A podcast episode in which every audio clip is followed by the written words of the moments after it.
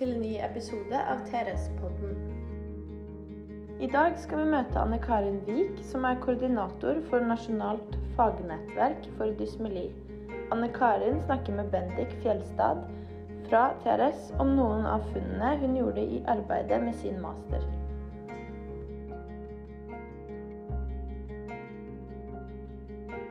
Du kan kanskje fortelle litt om hvorfor du akkurat ønsket å se på det med funksjon og livskvalitet hos voksne med reduksjonsdefekt i armene. Hvorfor valgte du det temaet i masteroppgaven din?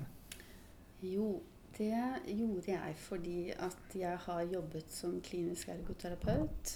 Og jeg har vært eh, Eller jobber som koordinator i Nasjonalt fagnettverk for dysmeli. og Min erfaring er da at det er veldig mange som er bekymret for hvordan det skal gå med disse barna i fremtiden. Eh, både fordi de har et annerledes utseende, altså fordi det er asymmetrisk, eh, og funksjonen blir annerledes, og fordi at eh, det psykisk kan bli en belastning å ha et annet utseende. Så disse bekymringene var jeg litt opptatt av. Å se om er det hold i det. Er det sånn at disse får dårligere livskvalitet og dårligere funksjon som voksne?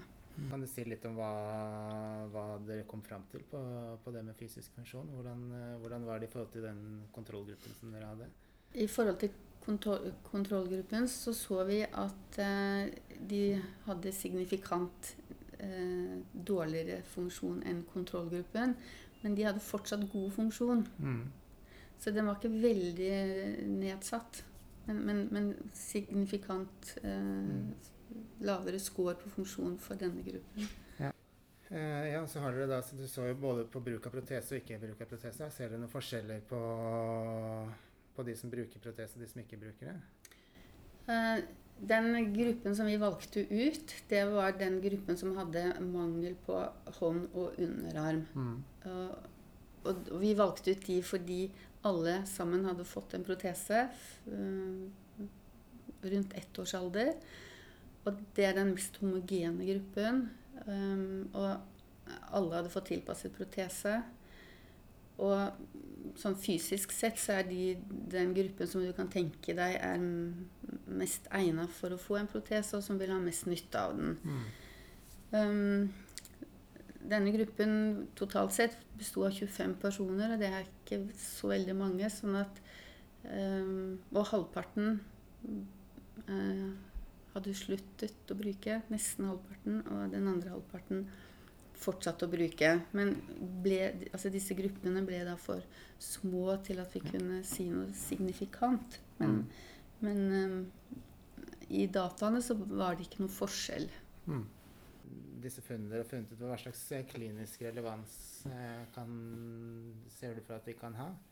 Jeg tenker jo at det er viktig at vi, vi har det i mente at disse har nedsatt funksjon. Um, det var ikke med i masteroppgaven, men vi ser også at de har signifikant mer smerte i rygg, skulder og hånd mm. i forhold til uh, normalbefolkningen. Og så tenker jeg også det at vi så at så mange ikke valgte å bruke protesen videre. De sluttet å bruke den ved 11 års alder. Det tenker jeg um, vi skal reflektere litt over som fagpersoner. At uh, hva er grunnen til at vi velger å gi dem en protese?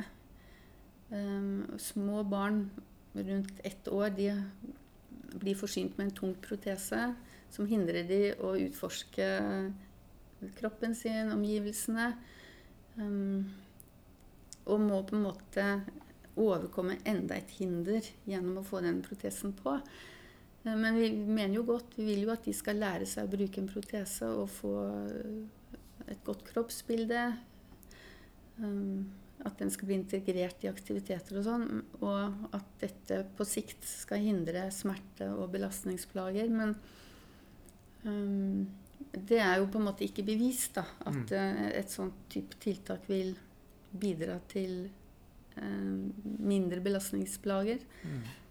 Noen studier har jo vist at man kanskje kan få belastningsproblematikk ved å bruke protese fordi den er tung. Mm. Hva visste man egentlig fra før? Hva, hva fant du ut hvis når du undersøkte hva som var, eh, var gjort fra før?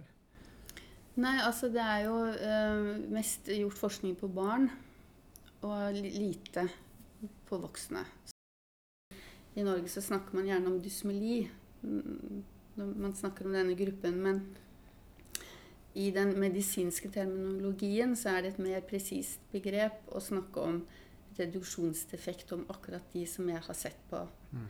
For dysmeli er en sekkebetegnelse som innebærer eh, Altså det er en medfødt tilstand som innebærer at du har, eh, kan ha en mangel eh, på arm eller ben. Du kan ha for mye av noe, og du kan ha noe som ser ut som en sammenvoksning, men som egentlig er eh, at det ikke det er blitt splittet opp. Da. Så, så det er en, en variasjon. Og når man ser på skal forske på den gruppen med dysmeli, så må man vite hva man ser etter. Mm. Derfor så har jeg spesifisert det som reduksjonsdefekt. Mm.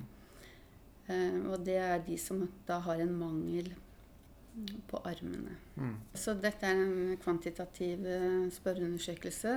eh, Og denne masterstudien er del av en, et større prosjekt. Da. Eh, Men jeg har bare fokusert på noen av dataene, og det er de dataene noen av de dataene vi fikk i en spørreskjemaundersøkelse som vi sendte ut Mm. til um, både personer med dysmeli og Nå sier jeg dysmeli, da, fordi det er Ja. enklere å si. Um, som var tilknyttet Oslo universitetssykehus på et eller annet tidspunkt. Enten ved fødsel eller som oppfølging i behandling. Og så hadde jeg også en kontrollgruppe fra den eh, generelle befolkningen Mm. som vi trakk fra folkeregisteret. Mm. Og meningen var å sammenligne disse to gruppene da, for å se om er det forskjell i funksjon og livskvalitet. Mm. Hvilke type spørsmål er det som er med i en sånn undersøkelse? Hva, hva spør dere etter? Det var jo veldig mange spørsmål, da. Mm. Um, og det går jo på kjønn og alder, um, arbeid, utdanning, um, protesebruk, ikke-protesebruk, uh, grep um, Altså type uh, grepsforbedringer som man brukte eller ikke. Det gikk på trening, smerte, um, uh, funksjon. Altså ulike aktiviteter man gjør, om man greier det eller ikke. Vi så på dette med livskvalitet, helserelatert livskvalitet og eh, eh, tilfredshet med livet.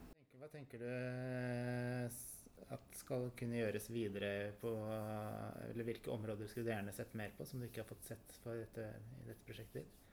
Jeg har jo flere data i, Mm. eh, i undersøkelsen, så at vi skal se mer på dette med smerteproblematikken.